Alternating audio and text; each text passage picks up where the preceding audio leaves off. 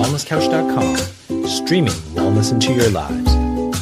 Welcome to Nourishing the Mother, featuring your hosts Bridget Wood and Julie Tenner.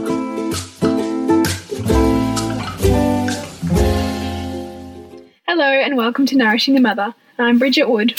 And I'm Julie Tenner. And today's podcast is called The Challenges of Our Gender. Now we're diving into this one. We're not 100% sure how it's going, but somehow I trust that the conversations that we have that are often have no known destination are often some of our best. so let's just dive in. Now, the reason we've called it the challenges of our gender is because I went and attended Bridget's um, Suburban Sandcastles movie night this week, just gone. And it was a movie on entrepreneurial womanhood, really. Yeah, yeah.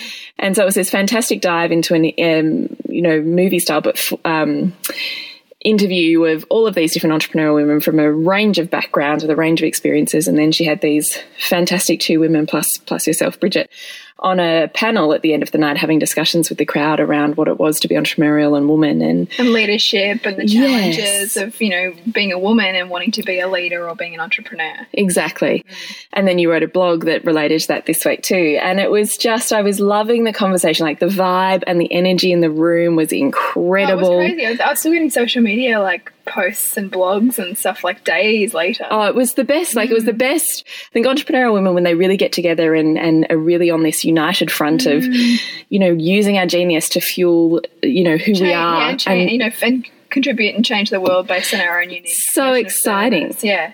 So it was great. But Bridget said to me, but you didn't say anything and you didn't, you know, put your hand up for a question. And I went, oh man, I was so plugged in. I couldn't. Which I love because then I'm like, oh, tell me more. and I said to Bridget then, I was like clenching my fists with nearly every single comment that came out of nearly every single woman's voice in that mm. room was based around the gender of woman and feminine being less powerful mm. than the gender of male and men. And I said to Bridget, what I hated was all of these conversations around, but how do we become more gender neutral in our corporations and mm. how do we you know not be seen as as the only woman in a boardroom mm. and how do we da da da da da and i said it was this constant disempowering around what the feminine is. Mm. And I said to you at the end of the night, I was like, I wanted to stand up and just be like, fuck gender neutral. Yeah. I don't want to be as good as men. Mm. I want to be an incredible woman. And so let's not take gender out of the conversation. Let's not. Yeah. And why, you know, like even someone had said, you know, in any sort of media article or, or release around an entrepreneurial woman, it's an entrepreneurial woman mm. or a female entrepreneur. It's never just an entrepreneur, which if it's a man, the introduction mm. is always as an entrepreneur. entrepreneur. And that was seen as, as again, gen- gender inequality and, and as a negative and, mm. and blah, blah, blah. And I don't look at I, I would like to be defined as a female entrepreneur. Mm. Why is it that we as women still disown the power of our feminine? And you know, it's so interesting, right? Because you're coming at it from wanting to be defined as a female entrepreneur because you have you see the power and the and the uniqueness inherent in the feminine whereas for so many other people who want to drop the female or drop the woman perhaps it's because subconsciously they perceive that somehow that's a handbrake. That's exactly right. Mm. But that's what I actually hate about this entire cultural message here mm. is is we're still viewing the feminist movement as needing to in, to some extent eradicate our feminine. Mm. In order to play in order to be on a level playing field. Yes. We we almost need to be less feminine. We yeah. need to be more masculine. Which is almost that 80s power thing, isn't it? Like, you know, yes. the whole power suit thing. You know, you, you, need to ramp up your masculine in order to play in that field, in order to be competitive in the boardroom. Yes, but in actually, order to be seen. But the feminine has just as many powerful qualities in it that means that you don't need to lose any of your feminine in order to play at that level. You simply just ramp up the, the you know, like looking at the goddess. The feminine like, you know, embodiment. Well, you yes. know, look at like the goddess Kali and, and the incredible power and, you know. Terrifying. Like, if you look at archetypally what mm. the feminine is, it's undisputable and undeniable that it's also interlinked with enormous amounts of strength and power mm. and leadership. Which uh, and there's very interesting um, conversations around the idea of you know because we we talk about in mainstream in news and in all the you know if you look at the International Women's Day and and, and all of the conversations lately around you know, female empowerment, there is it comes from the perspective of p- perceiving females as disempowered when you look at the measures, right? So you're looking at Yes. boardroom gender equality, you're looking at um, you know the right to education for women around the world, but the the flip of that is actually that there is an inherent enormous power within being feminine that that we all sense and know, but are not stepping into. And it's, it's like the glass ceiling. As long as you perceive that there is these limits and that these caps on your potential, and that you don't have equality and all of that kind of stuff, that becomes almost like that self fulfilling prophecy that mm-hmm. says, "Well, you are that. Then you don't have." All of these things that you think that you that, you, that you're missing out on, but in actual fact, we. I mean, the fact that we we create life, right? Like, you know, if and I think if if we were actually able to sit back and look at the profound nature inherent in simply being a woman and, and the capacity that we have in, in our lives to do all that we do and give all that we give to the world, like it's incredible. Mm. But we sometimes label ourselves as less than in order to fit in and in order to play by the rules. but in a patriarchal society. Yeah, that's right. So the measures that we're looking at, the measures that we're looking at the feminine through, or the lens we're looking at the feminine through, is through mm. the male patriarchal version Mm. Yeah. of what success and and power looks like. And so, but but to redefine it doesn't mean we have to make them less than either. No, And- and- absolutely and not. So, so much of the traditional feminist movement is almost about like screw the men, like you know we're coming, we're coming to play. Yeah. You know, which which as you know, for both of us as the mothers of boys, we are acutely aware of all of the unique challenges that face boys and men Yeah. um, that that that I don't want to like um, underplay, but you know through through kind of trying to empower women. You know, because I think I don't think someone needs to lose in order for someone to win. no, I think it's utterly possible to get to a point of reverence for what both genders bring in a different power format. No different to, gosh, I wish I could remember where I'd heard it from, but in um, tribal society, and I can't even tell you where, I'll have to try and find my so- source, should have looked it up originally. But there's this particular pocket of tribal society um, that in ancient times, the rulers of the, the community and the village, the ones that were essentially like parliament, mm. were women. So during mm. peacetime, they were women.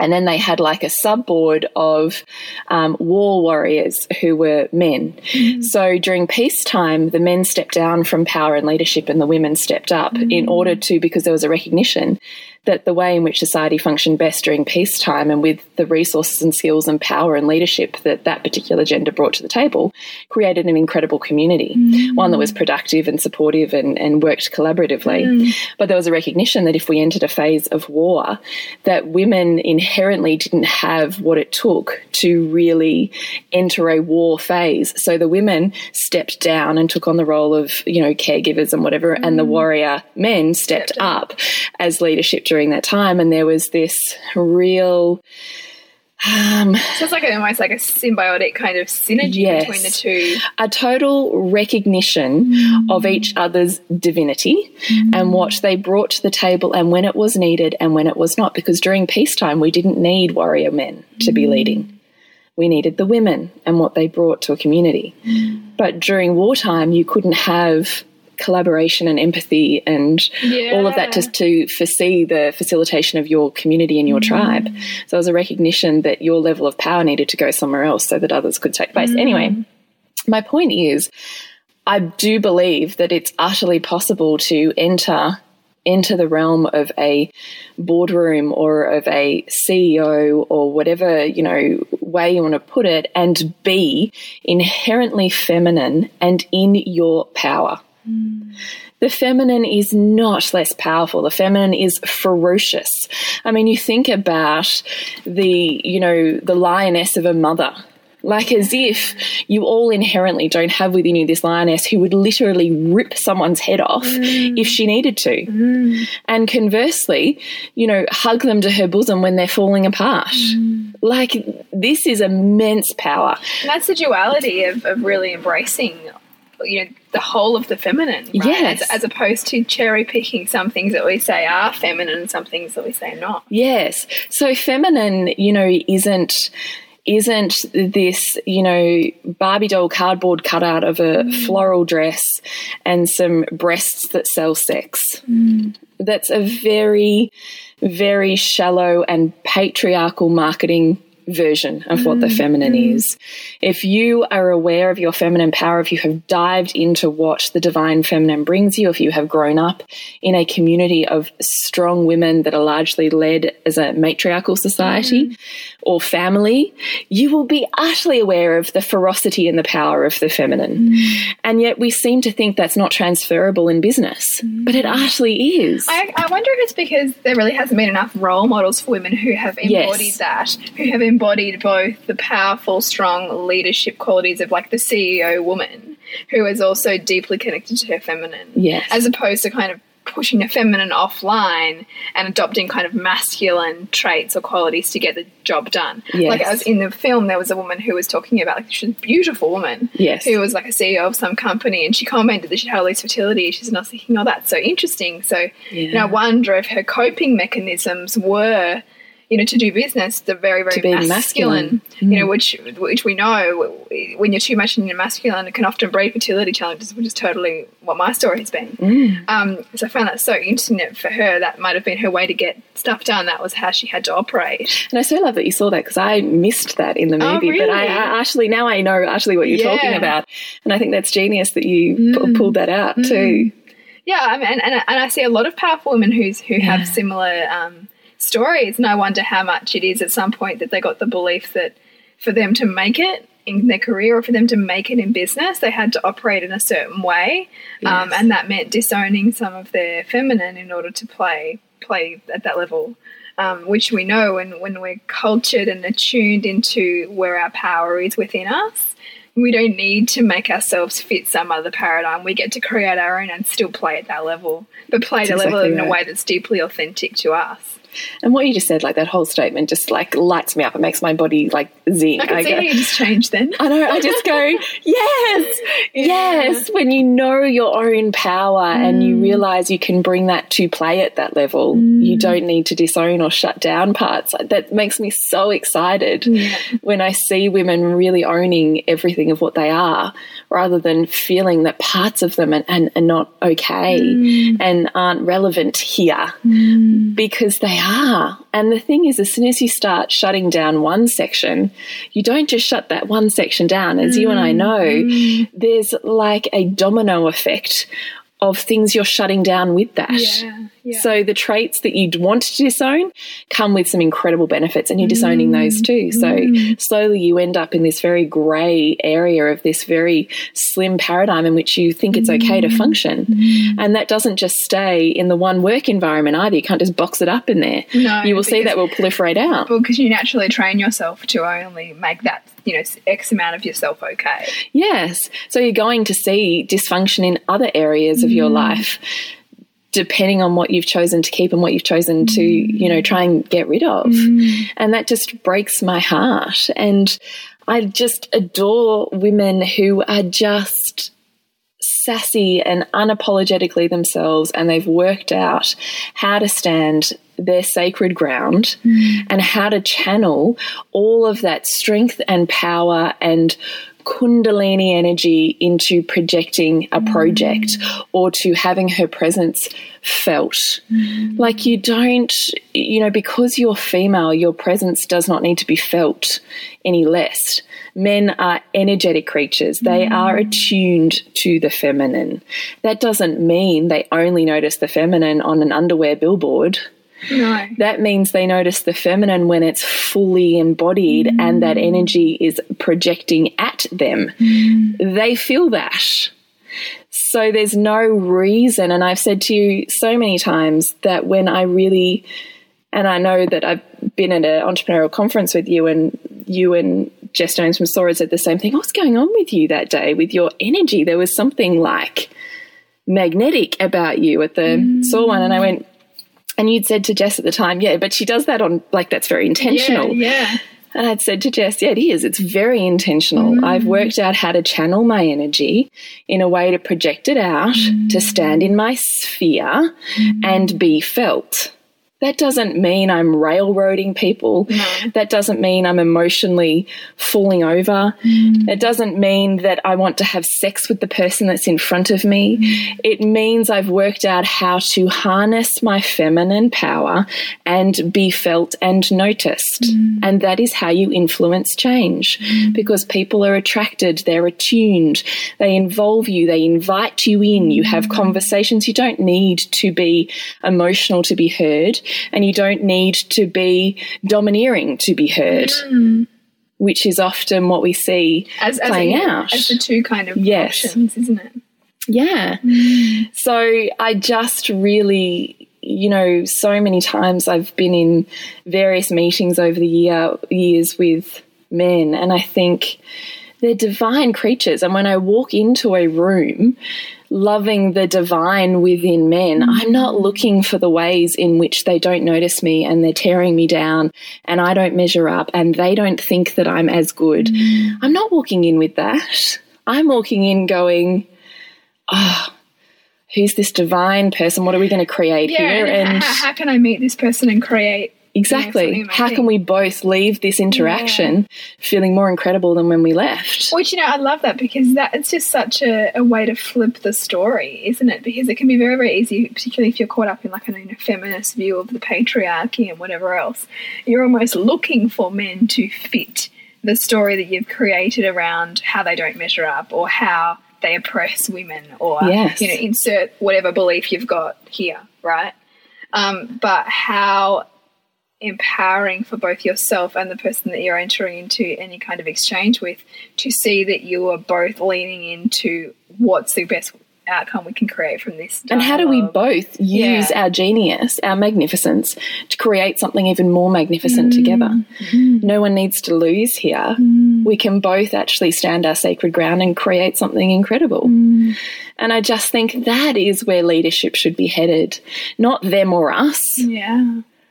Not win or lose, mm. not I can only survive if I'm masculine, not disowning, not wanting to be gender neutral to be seen in a boardroom. Gender neutral just sounds so grey and boring. Like, why would you want a neutrality when you can have the magnificence of both? That's what I mean. Mm. Where is just the reverence for the which, polarities? You know, which really, like, you know, I keep coming back to the reflection of that within ourselves, right? Like, so that that's if we want to see, you know, in the world around us, the magnificence of both the feminine and the masculine, or the males and the females, then that's also giving us permission within our own bodies to allow our own traits of those two energies to be fully expressed. Mm. Which is ultimately what we're all really seeking, it? It is it is a level of alignment, it is a level of you know expression that means that every part of us is okay.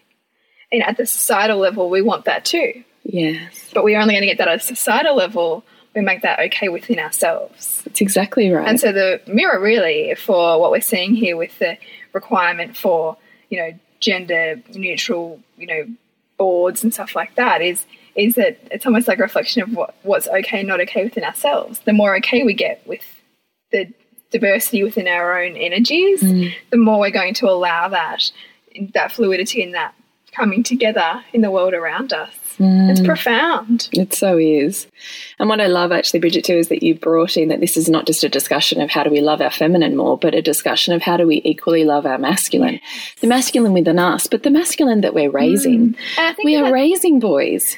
And it's so interesting because there's there's so much going on now, like you know, and I love to celebrate the, the feminine. I love to celebrate the women's movement and, and how far we've come as women in terms of um, our rights in society and all of that. You know, you, we, we cannot undermine the work that's been done over decades. No, and I'm women- immensely grateful. you know, immensely grateful, and particularly for women who have done that in the adversity of, of immense oppression and Yeah, challenge. I'm immensely yeah. grateful. It's not to undermine in any way the ripples that they have created. But but, But you- moving forward Yes. is what I'm saying. And the thing is, we, we can be grateful for that and still want to change the story going forward. Mm-hmm. We don't need to simply subscribe to that because that's what we've always done, or, or, or we need to make amends for their pain or challenge.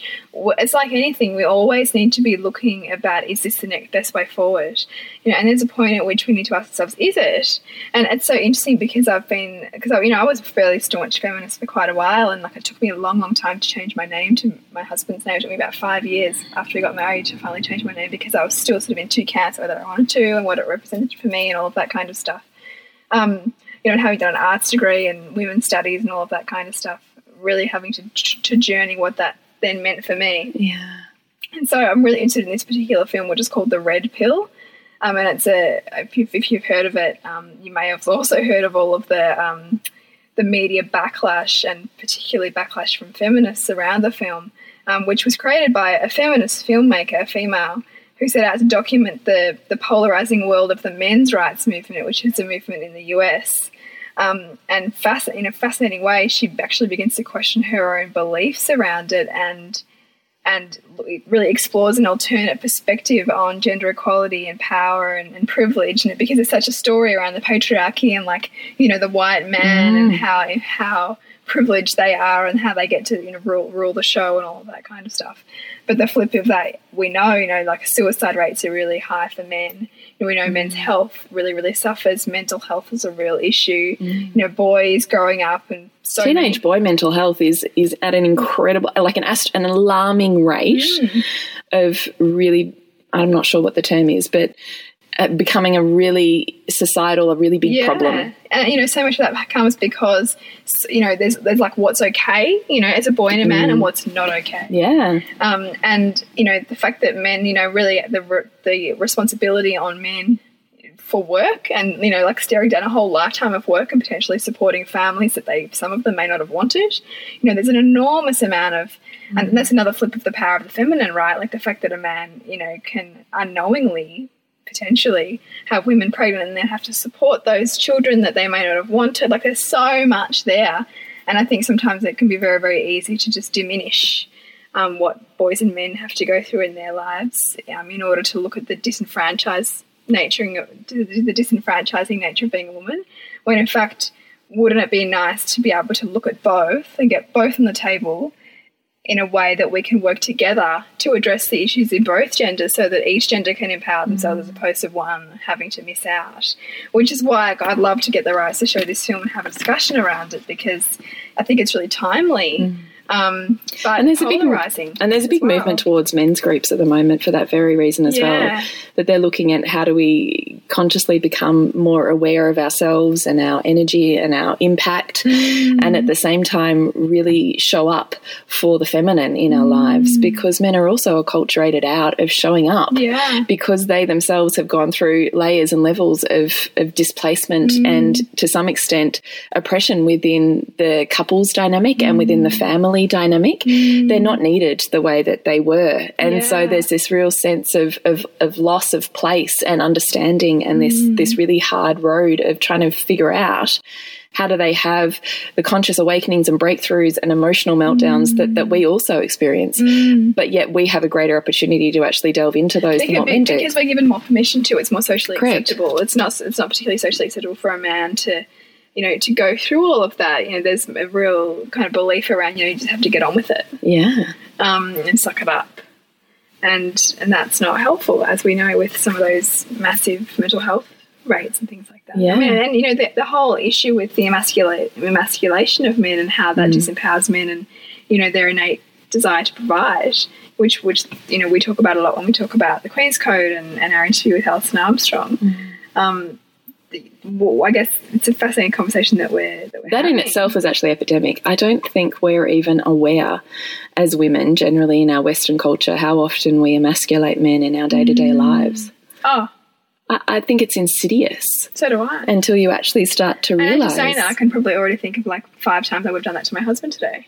It's so interesting because I think it? we just I think it's just in our wiring. Yes, because we've we've been forced to be so self sufficient, mm. and the expense often of being vulnerable and feminine, mm. and allowing them to give. Yes, in, in allowing them to provide in order for us to yeah. allow ourselves to receive. Mm. That whole balance has been thrown, and in doing that, with again, that's losing the the reverence for the mm. polarities that exist in order for for that ebb and flow of you know equilibrium and, and, and dare I say equality to mm. actually happen within that relationship. Equality doesn't need to mean the same thing. No. It can mean having reverence, respect, and a fluidity in movement between those two strengths and mm. powers. It's not that you you have less respect for one or that you honor one less than the mm. other.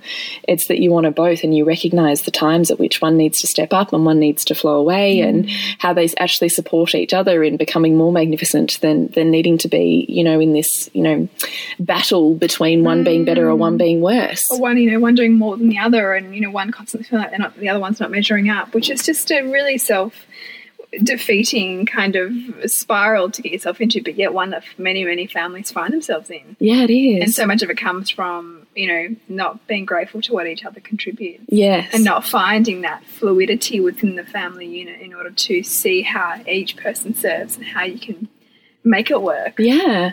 And look, even, I mean, there was a couple of women in that um, talk at your movie on Wednesday who were both, there was two I can think of that were both mothers of two boys, two young boys. And they were talking about the fact that their husbands were the stay at home dads and they were the ones working and, and being away. And they were talking about it from the perspective of, you know, how that's viewed in our culture and, mm. you know, how that, that fit was for them. And then they were saying, but I'm really happy with that choice because they get to see their mother you know, out and feminine, you know, women providing and women having a career and mm. women da da da da, and that men can be nurturers and all of the rest of it. And they totally can. Like, that's Yeah. a beautiful awareness for those kids to have. But I don't think mum working full time is the only way that we can teach our boys reverence No. for the power of the feminine. Mm, I don't think it has to be that in order for them to see women as powerful mm. to be doing what a man typically does. And that's the thing. I think it's so, so such a narrow view to think that that's the only way. Like, I mean, I, I can think of so the, all the benefits of you know a child being at home with the mother and and getting taken along when mother has to have business conversations or conversations with a bank manager and know her stuff or Yeah. conversations with, with a mechanic and be empowered in those conversations. I mean, it doesn't have to be, as you say, the form of going off to work It can be witnessing, you know, a mother standing in her own ground, her own kind of power. Absolutely. The organisation alone involved in a family, the negotiations that are mm. involved in that itself. Mm.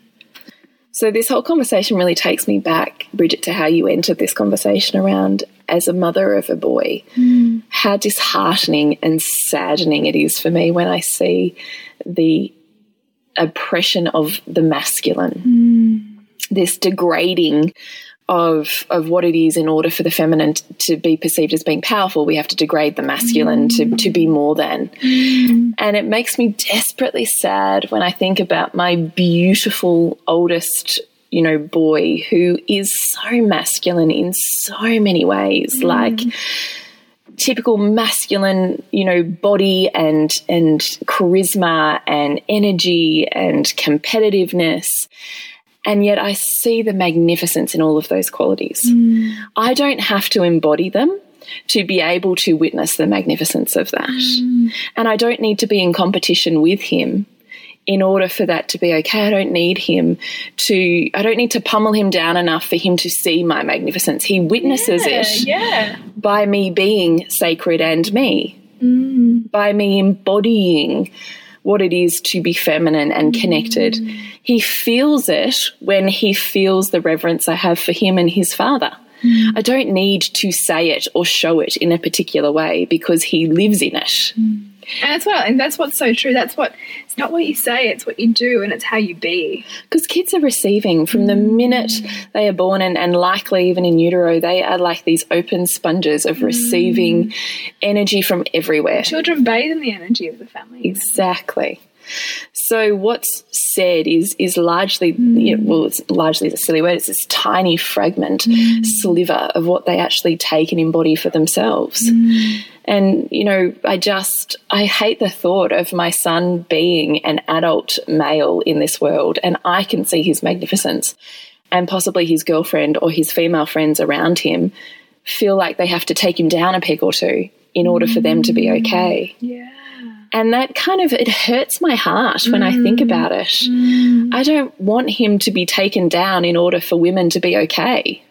Because women should, women need to should know that they're just okay. We- but, but the we- reality is that so often we don't. We rise when we bring each mm. other up, yeah. not when we take each other down. I don't want him to be in competition with women. I want him to to you know revere the feminine and show up for them in the mm. ways that only the masculine can. The mm. traits and the qualities of the masculine doesn't have to be in a male form. Mm-hmm. But in only that way that those polarities complement each other. And i would i would love to hope that the woman he ends up with has reverence and and magnificence for him and the way that he shows up for her. Mm. So the thought of us moving forward as a society where we think we have to take men down mm. in order for women to be okay, or where we have to be less feminine in order for us to be suitable, mm. kills me. Mm. I don't I don't want there to be less polarity. I want there to be more reverence for the polarity. And, and it comes back to let's not cap parts of ourselves. Let's be illuminated in all in all of it in all of ourselves essentially, mm, Exactly. without needing to cut this bit off and that bit off and rub that little bit and you know hide that bit. Exactly. Mm. So, anyway, that's my little rant inspired by your movie, Bridget. Yeah, it seems to have created lots of conversations, which I love. And I oh, think it's, marvelous and, and I wonderful. would love, you know, this is really much, this kind of is an interesting podcast this week in that we're not really kind of giving set tools, but rather opening up a conversation. And I would love, you know, with our listeners, if, if this has kind of piqued anything for you, you know, in terms of questioning what your own beliefs are or what you're kind of expecting your children, how you're expecting them to behave or relate to each other, if you've got boys and girls, if you've got any unconscious or conscious biases towards, um, you know, perhaps your son being overbearing to your daughter and, and, Yeah. and the masculine, you know, your own perhaps fear of the masculine within them or within you, um, which can often bring up, our children can often bring up some of that stuff for us. It's really true. I mean, it's it so comes back to our story, doesn't it? Because how comfortably Mm. we sit in our emerging sensuality, sexuality, and polarity is how comfortable we sit with our own and our own journey into that. And blooming. even, I mean, I even like this is a bit of a segue, but even with my mum, I seeing what my mum looks after both my kids, and and she's really like full on about my son, like not being too rough with Sylvie, and and I'm much more allowing of a little bit of a symbiotic like unfolding between their relationship within within the realm of keeping her safe, but not kind of snapping him down either. Yeah. Whereas I wonder how much of it is her own story, like being the youngest of 12 and mm. likely have having a lot of overbearing brothers, whether she's needing to protect Sylvie to protect mm. her own baby self. Um, and and that perhaps fear of, of the power of, of the men that were around her or the boys that were around her. It's just so interesting because you know our unconscious patterning and, and beliefs around those two you know energies are profound and, and they play out around us.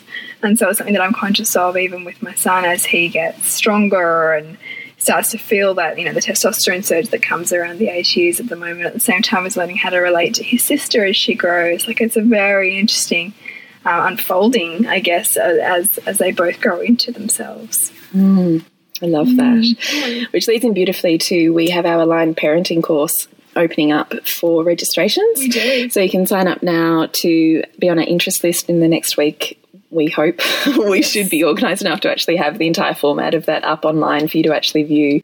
So it'll be a two week online course towards the end of April where we'll facilitate you through really the toolkit that we use for viewing the parent child, mother child dynamic mm. and how to actually raise ourselves to raise our children, how to see that we are never separate from the issues or behaviors that they're displaying. So, how mm. do we take that reflection inwards and in order to change the world that's evolving around us?